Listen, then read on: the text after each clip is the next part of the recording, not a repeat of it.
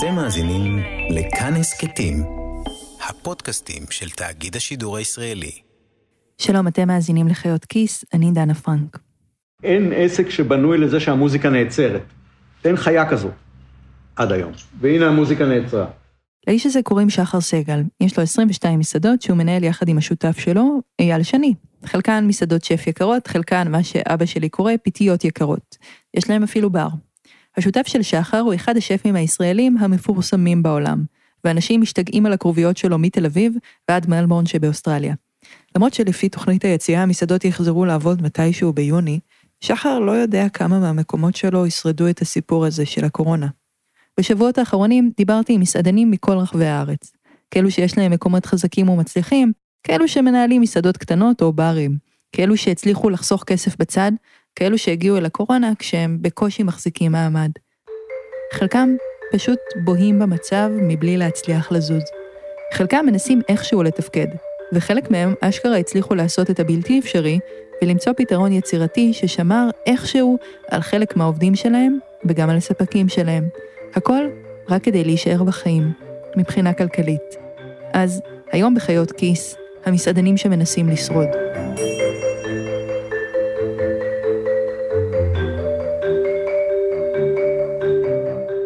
בשנה שעברה 190 אלף איש עבדו בענף ההסעדה בישראל. ברמנים, מלצרים, מארחות, אבל גם טבחים ושוטפי כלים. הם איישו כ-14 אלף מסעדות, בתי קפה, ברים. עוד לפני הקורונה, לא כולם היו במצב כלכלי מי יודע מה. צריך להבין ולהיזכר שתחום המסעדנות נכנס לכל משבר הקורונה במצב שהוא כבר הגיע על ארבע. זה אסף ברית, הבעלים והמנהל של בית הקפה הפופולרי, התחתית בתל אביב. הרווחיות בחמש, שש שנים האחרונות מאוד מאוד נשחקה עד לרווחיות מאוד מאוד נמוכה. הרווחיות נשחקה משלל סיבות, חלקן משפיעות גם על מי שאין לו מסעדה, כמו עלייה בשכר הדירה ובעלות חומרי הגלם. אבל עבור המסעדנים, אסף אומר, המכה הקשה הייתה בעלויות כוח האדם. עליית שכר המינימום, חוק הטיפים וחוק הפנסיה, גם אם המטרה שלהם הייתה טובה, הזניקו מאוד את עלויות שכר המלצרים. ומאחורי הקלעים של המסעדה, גם עלויות העסקת עובדים זרים זינקו בפראות. הרווחים צנחו, והמסעדנים כבר שנים מוחים בתוקף על עלויות העסקה. נוסף על כל זה, הקורונה הגיעה גם בטיימינג ממש, אבל ממש מחורבן. ינואר ופברואר הם חודשים שבהם לא משהו בעסקי המסעדנות. קר, ואנשים לא כל כך רוצים לצאת מהבית.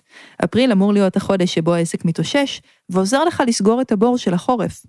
השנה זה כבר לא יקרה. ב-14 במרץ, ב-8 בערב, כל המסעדות בכל הארץ נסגרו. אבל כבר בשבוע-שבועיים שלפני כן, הייתה ירידה משמעותית בהכנסות. אנשים פחדו לצאת מהבית. כל מי שדיברתי איתו זוכר את הרגע במדויק. בעצם במוצ"ש הודיעו לנו שסוגרים, ואנחנו קיבלנו החלטה שאנחנו סוגרים הרמטית ולא עושים שום טקווי. בעצם ביום ראשון קמנו, אני קמתי לסוג של ואקום. לקח לי יומיים לעכל את הדבר הזה שעסק שעבד, שאני פה 14 שנה, יום-יום, דקה-דקה, זמין, פתאום אתה מסתכל על המצלמות והכל דומם, הטלפון שלך פתאום דומם, וזה היו החיים שלי. הסירה הזאת הייתה, הייתה שוק בימים הראשונים. ביום ראשון, 15 במרץ, אסף ישב עם דף ועט וסכם את כל ההוצאות וההתחייבויות שלו. בית הקפה שלו, התחתית, קיים כבר 15 שנה, והוא עסק עובד מאוד, יש שעות וימים שקשה למצוא מקום ישיבה. אין לו נגיד הלוואות מהקמה שהוא עדיין סוחב. ובכל זאת, לסגור את בית הקפה לחודש, ועכשיו כבר יותר מחודשיים, השאיר את אסף בבור של 500 אלף שקל. אז הוא סגר את הדלתות, לקח הלוואה מהבנק והתיישב לחכות. המסעדנים האחרים שדיברתי איתם לא ששו לנקוב במספר מדויק, אבל כולם דיברו על הפסדים כבדים מאוד, של מאות אלפי שקלים. הלמ"ס מדווחים על ירידה של 29% במספר המשרות הפנויות במלצרות בהשוואה לשנה שעברה, ירידה של 22% בביקוש לטבחים ו-20% פחות משרות ניקיון בעסקים, כמו שטיפת כלים נניח. איגוד המסעדנים התריע שקרן ההלוואות בערבות מדינה, שנפתחה בעקבות המגפה, וגם הבנקים באופן פרטני, מסרבים לאשר הלוואות למסעדות, בגלל שהענף מוגדר בסיכון, לפי דוח של בנק ישראל, ההוצאה היומית על מסעדות בכרטיסי אשראי צללה בעשרות אחוזים מתחילת אפריל. אז מה אפשר לעשות?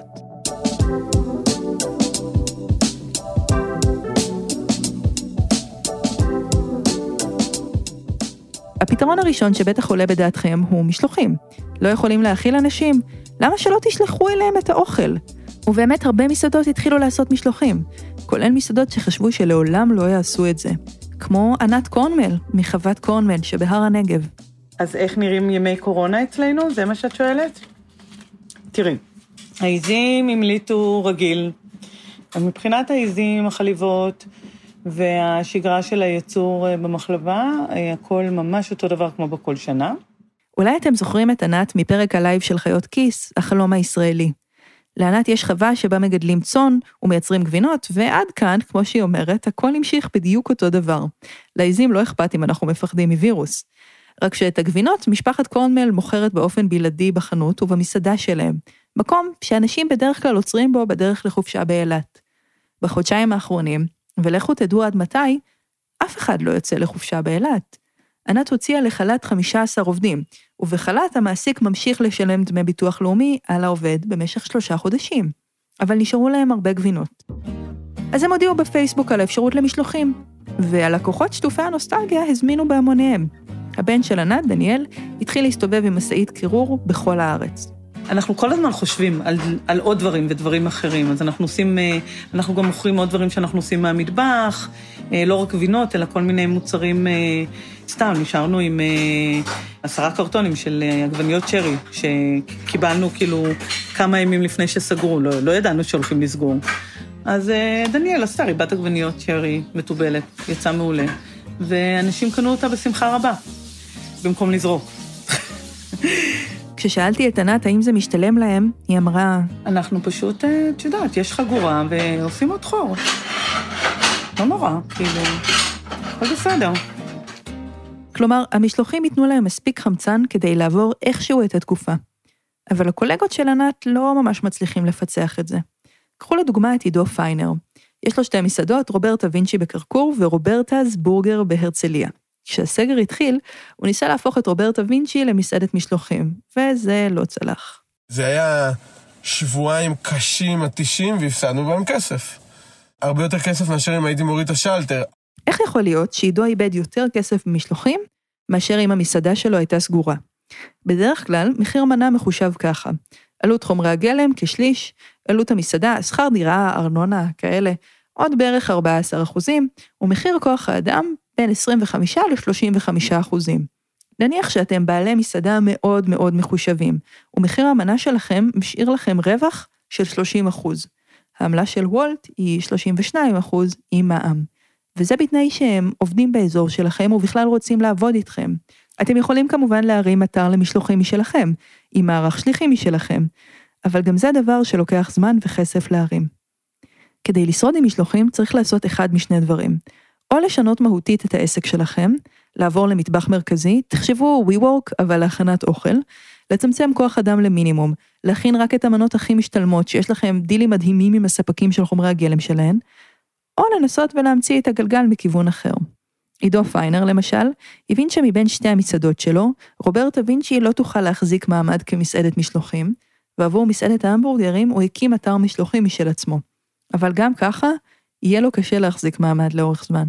הבורגר המשיך לפעול על בסיס שירות המשלוחים אה, של חברה נותנת שירות שלא עושה את שמה כרגע, שגוזרת עמלה מאוד מאוד מאוד גדולה, שבשגרה לא הייתה לי בעד לשתף איתם פעולה, אה, מהסיבה הפשוטה שהם היו בין 3 ל-5 אחוז מהמחזור שלי, והתייחסתי לזה כשרות ללקוחות שלי.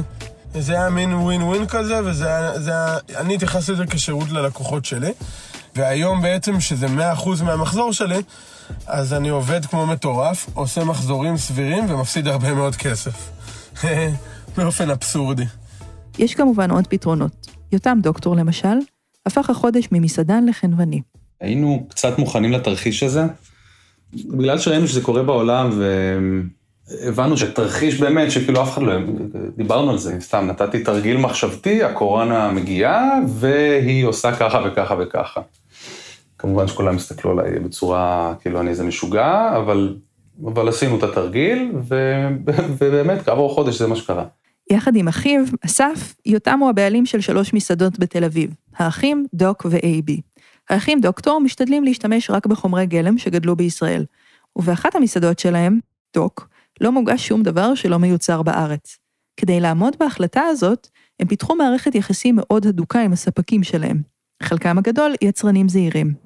ליקטנו לעצמנו אה, מגוון של יצרנים קטנים, מלקטים, אה, יצרני גבינות, אה, ייננים וכולי וכולי, שכל אחד מהם הוא הטוב בתחומו. וכך, ב-15 במרץ, כשיותם ואסף התעוררו בבוקר היום הראשון ללא מסעדות, הם הבינו שיצטרכו להוציא לחל"ת את מרבית העובדים שלהם.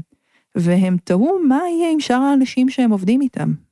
אמרנו, אוקיי, שנייה, קודם כל, אנחנו רוצים להניע את גלגל הכלכלה הקטן שלנו. גם אם אנחנו לא נרוויח כסף, אנחנו הבעלים של המסעדה, אנחנו מרגישים שיש לנו איזושהי אחריות או רצון לעזור לעובדים שלנו ולעזור לספקים שלנו. אז הם פתחו מכולת, באינטרנט, שמציעה את כל חומרי הגלם וגם חלק מהמנות מהתפריטים שלהם. אפשר לקנות את חומרי הגלם שבאמת מוגשים במסעדה, ואז לבשל אותם, לפי המתכונים האמיתיים של המסעדות שמוצעים בחינם לכולם. יותם, האמת, די מרוצה, וכך גם הלקוחות שלו. ההתלהבות וההתרגשות של האנשים היא מאוד גדולה, וגם שלנו, אני חייב להגיד. זה כמו מגרש משחקים, באמת, כאילו זה ממש בא לי לעשות כל כך הרבה דברים מגניבים שם. כשבן אדם מקבל משלוח, הוא מקבל אס.אם.אס, אה, שהשארנו לך את המשלוח מחוץ לדלת, ושאנחנו ממליצים לך להאזין למוזיקה שלנו בזמן שאתה מבשל, ויש שם לינק ל SoundCloud שלנו עם המוזיקה שלנו, סתם לדוגמה. אנחנו נותנים למי שמזמין ירקות אה, טיפ ירוק לאיך לשמור את הירקות במקרר. המכולת של האחים דוקטור קיימת בערך חודש, אז עדיין מוקדם להבין עד כמה זה באמת רווחי להם. אבל יותם אומר שהוא כבר ראה לקוחות שחוזרים שוב ושוב ומזמינים מהם. הספקים הם הצד שלא חושבים עליו הרבה כשחושבים על המשבר המתמשך בענף המסעדנות. עידו פיינר, מרוברטה וינצ'י, אמר לי שהוא משוכנע שרק חלק מהם ישרדו את התקופה הזאת, כמו שרק חלק מהמסעדות ישרדו את התקופה הזאת. עד הקורונה, המסעדנים עבדו מול הספקים בשוטף פלוס. תן לי כרובית עכשיו, מחר בבוקר אני אשפוך עליה טחינה, אמכור אותה ללקוח, ורק אחר כך אשלם לך. כשהתזרים הזה נגדע, הרבה מסעדנים לא יכלו לשלם לספקים על מה שכבר לקחו מהם. כשהגיע השוטף פלוס, לא היה כסף בבנק. וזאת בעיה היום, אבל זאת תהיה עוד יותר בעיה מחר, אם וכאשר העסקים ייפתחו מחדש. כבר עכשיו, הספקים שעידו עובד איתם שינו דיסקט לחלוטין. הבורגר היום, שהוא כן עובד, חלק מהספקים כבר מבקשים ממני את הכסף מזומן. הם שולחים לי חשבונית יום קודם, ואם הם לא רואים העברה, הם לא מספקים לי. עכשיו, וזה בעיה. זה בעיה קשה מאוד. אני לא יכול לשלם להם כבר היום את הכסף הזה, פלוס, לצורך העניין, את אה, פברואר או את מרץ, כל אחד וההסכם שלו. זה מאוד מאוד קשה.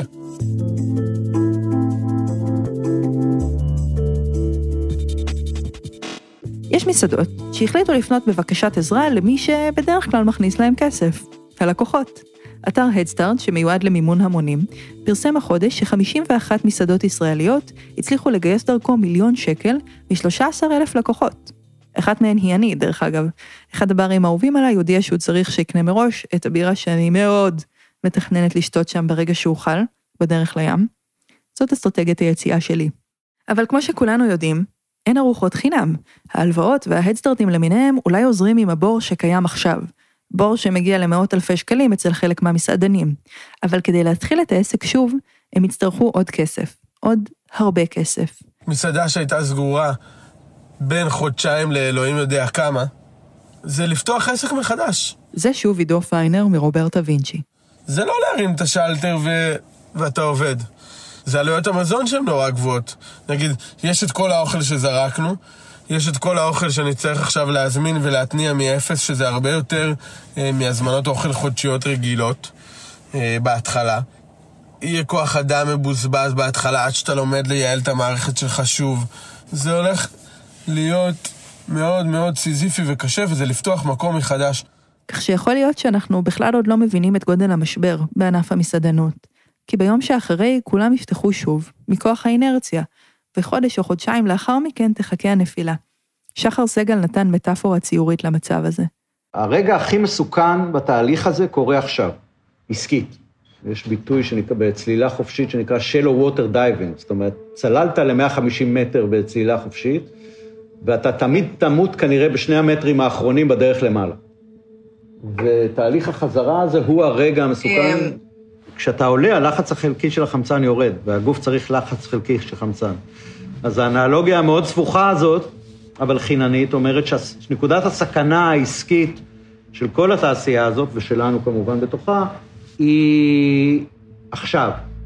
כי כל עוד סגרנו ולא זזנו ולא הוצאנו כסף ולא שילמנו חובות ולא שילמנו שכר דירה, אז קפאנו באיזשהו מקום. עכשיו, רוב רובם של עסקי המסעדנות בארץ, מכל מיני סיבות, נכנסו למשבר הזה עם אה, אחוזי רווחיות מאוד נמוכים. זאת אומרת, אין פה שומנים. אה, אני לא מכיר מסעדה אחת בתל אביב שיודעת לספוג את המהלומה הזאת. עד המשבר עבדו אצל שחר 600 בני אדם, והוא מעריך שבשלב הראשון הוא יצטרך לפטר 300.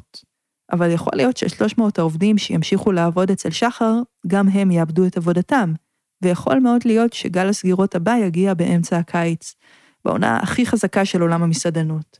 דווקא אז התזרים ייתקע, ההלוואות יעיקו והסיכוי לקבל הלוואות חדשות באמת ייעלם. אבל הדבר הכי מעיק במצב הזה, הוא שאנחנו באמת לא יודעים מה יקרה.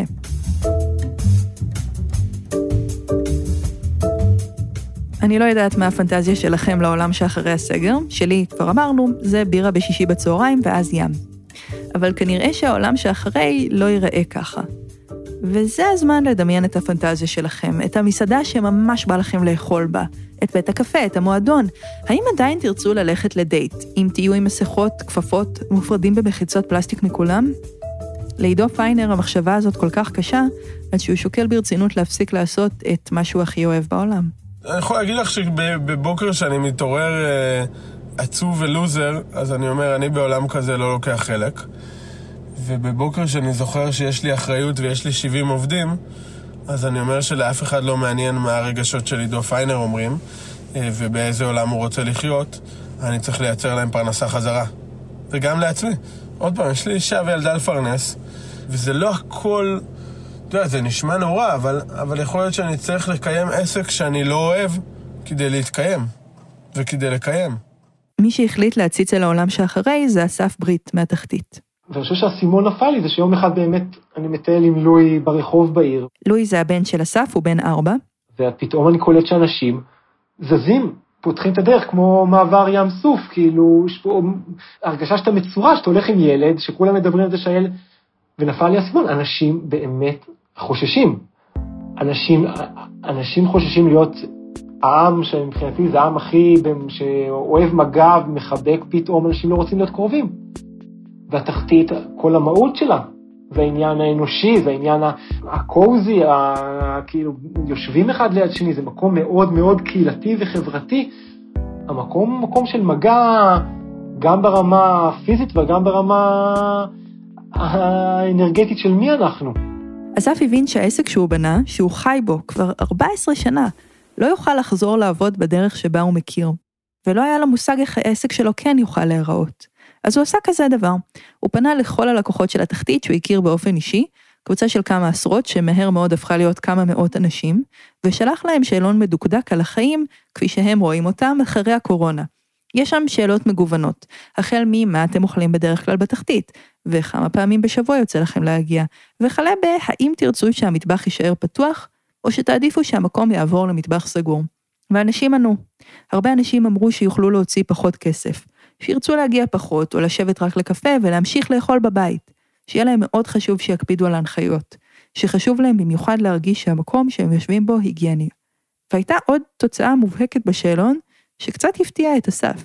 המהות של התחתית מבחינת אנשים זה השהייה בתחתית. זה לא האוכל והאוכל הוא טעים, אני מאוד מקווה לרובם, והם לא סתם אוכלים אצלי כי הם אוהבים אותי, או הקפה שהוא מעולה, בסוף המהות של אנשים זה להיות בתחתית. זה האנרגיה, זה ה... גם ראית את זה אפילו ברצון למשלוחים, שהאחוז היה מאוד מאוד נמוך, אני די, אני הופתעתי מזה בגלל תקופת הקורונה, כי אמרתי, אוקיי, בטח אנשים עכשיו ירצו בעיקר משלוחים, אבל זה לא העניין, הם רוצים, את, התחתית זה תמונת השפיות שלהם. ברגע שתהיה תחתית בישיבה, מבחינתם זאת תהיה החזרה לשגרה האמיתית. למרות זאת, מיום ראשון הבא, אסף מתכנן לפתוח את הדלתות שהיו סגורות כבר חודשיים. הוא יודע שביום שהוא יפתח, הוא יצטרך לחזור לשלם שכר דירה, שבעלי הנכס הקפיאו לו בינתיים, וברגע שעובדים ייכנסו ויפתחו את המטבח, הוא יצטרך לשלם גם להם. סביר להניח שהבור הכלכלי שהוא נמצא בו יעמיק, אבל הוא מוכרח לפתוח ולהציע טייק אווי ללקוחות שלו. אם עכשיו חודש אני עובד רק על טקווי, אני מפסיד עשרות אלפי שקלים. אין לי את היכולת הכלכלית לעשות דבר כזה. אז הרצון זה באמת לחזור כדי לחזור, בשביל, בשבילנו, בשביל להחזיר קצת עובדים, בשביל להחזיר את האנרגיה של, ה, של המקום, להחזיר את זה למודעות של הלקוחות שלנו. כלכלי זה לא. בשום אופן זה לא כלכלי. אסף לוקח הימור עם הטייק-אווי כי יש לו נעלם ענק. מה שהוא לא יודע, מה שאף אחד לא יודע, זה מה הממשלה רוצה שהוא יעשה. בניו יורק, שם לשחר סגל ואייל שני יש שתי מסעדות, הודיעו שהעובדים יקבלו השלמת הכנסה בגובה 80% מהמשכורת שלהם. שחר עדיין מחכה לשיחה ממישהו בממשלה בישראל.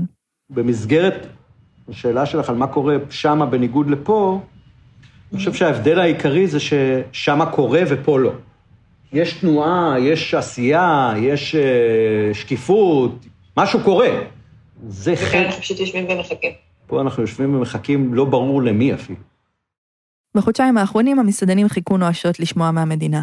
משהו. תוכניות בעבודה, כיוונים. זה לא חייב להיות מבושל עד הסוף, אבל עצמה גדול. כמו שעידו אמר לי.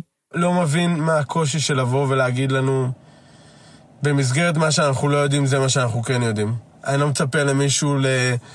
למאה אחוז תשובה, אני לא... כי אני באמת מאמין שלא יודעים הכל במאה אחוז. אבל אני בטוח במאה אחוז שיש מידע שאפשר לתת לנו, ואני לא מבין למה לא עוזרים לנו ונותנים לנו אותו.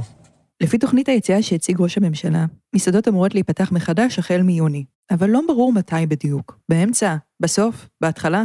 התוכנית לא מסבירה עדיין אילו שינויים יצטרכו מסעדות לעבור כדי להתאים את עצמן ליום שאחרי. בעצם, כרגע מסעדנים שרוצים להיערך לפתיחה מחודשת עדיין לא באמת יודעים מה יקרה, מתי זה יקרה ואיך לעשות את זה. את ענת קורנמל זה לא נורא מפתיע.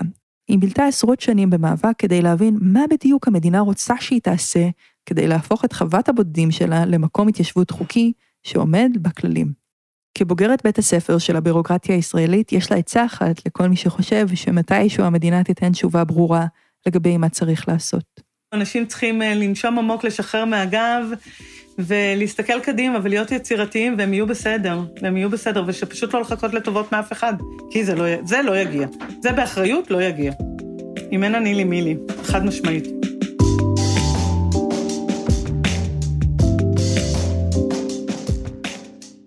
בזמן שעבדתי על הפרק, נזכרתי בסרט פעולה זניח לגמרי משנות ה-90, שראיתי פעם בערוץ 4 בכבלים.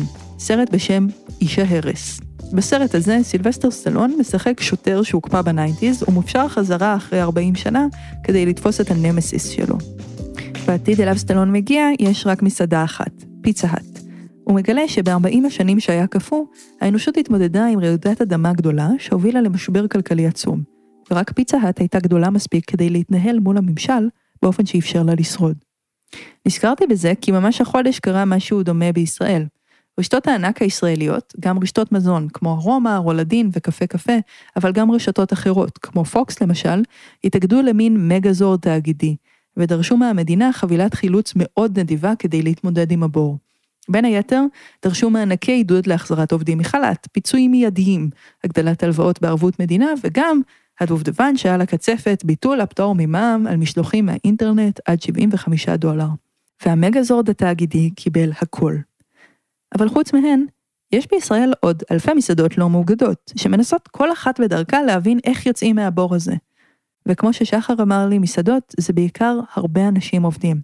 אני חושב שמסעדה זה המקום שמעסיק הכי הרבה עובדים פר מטר מרובע. זאת אומרת, אם יש לך 100 מטר, אז יש שם שישה או עשרה טבחים ושופי כלים ומלצרים ומנהל משמרת, מנהלת משמרת, בניגוד לחנות שיש שתי מוכרות, כן? וכשהתעשייה הזאת תקרוס, וחלקים ממנה כבר קרסו, זה יכאב לא פחות מאשר לאכול רק פיצה האט כל החיים.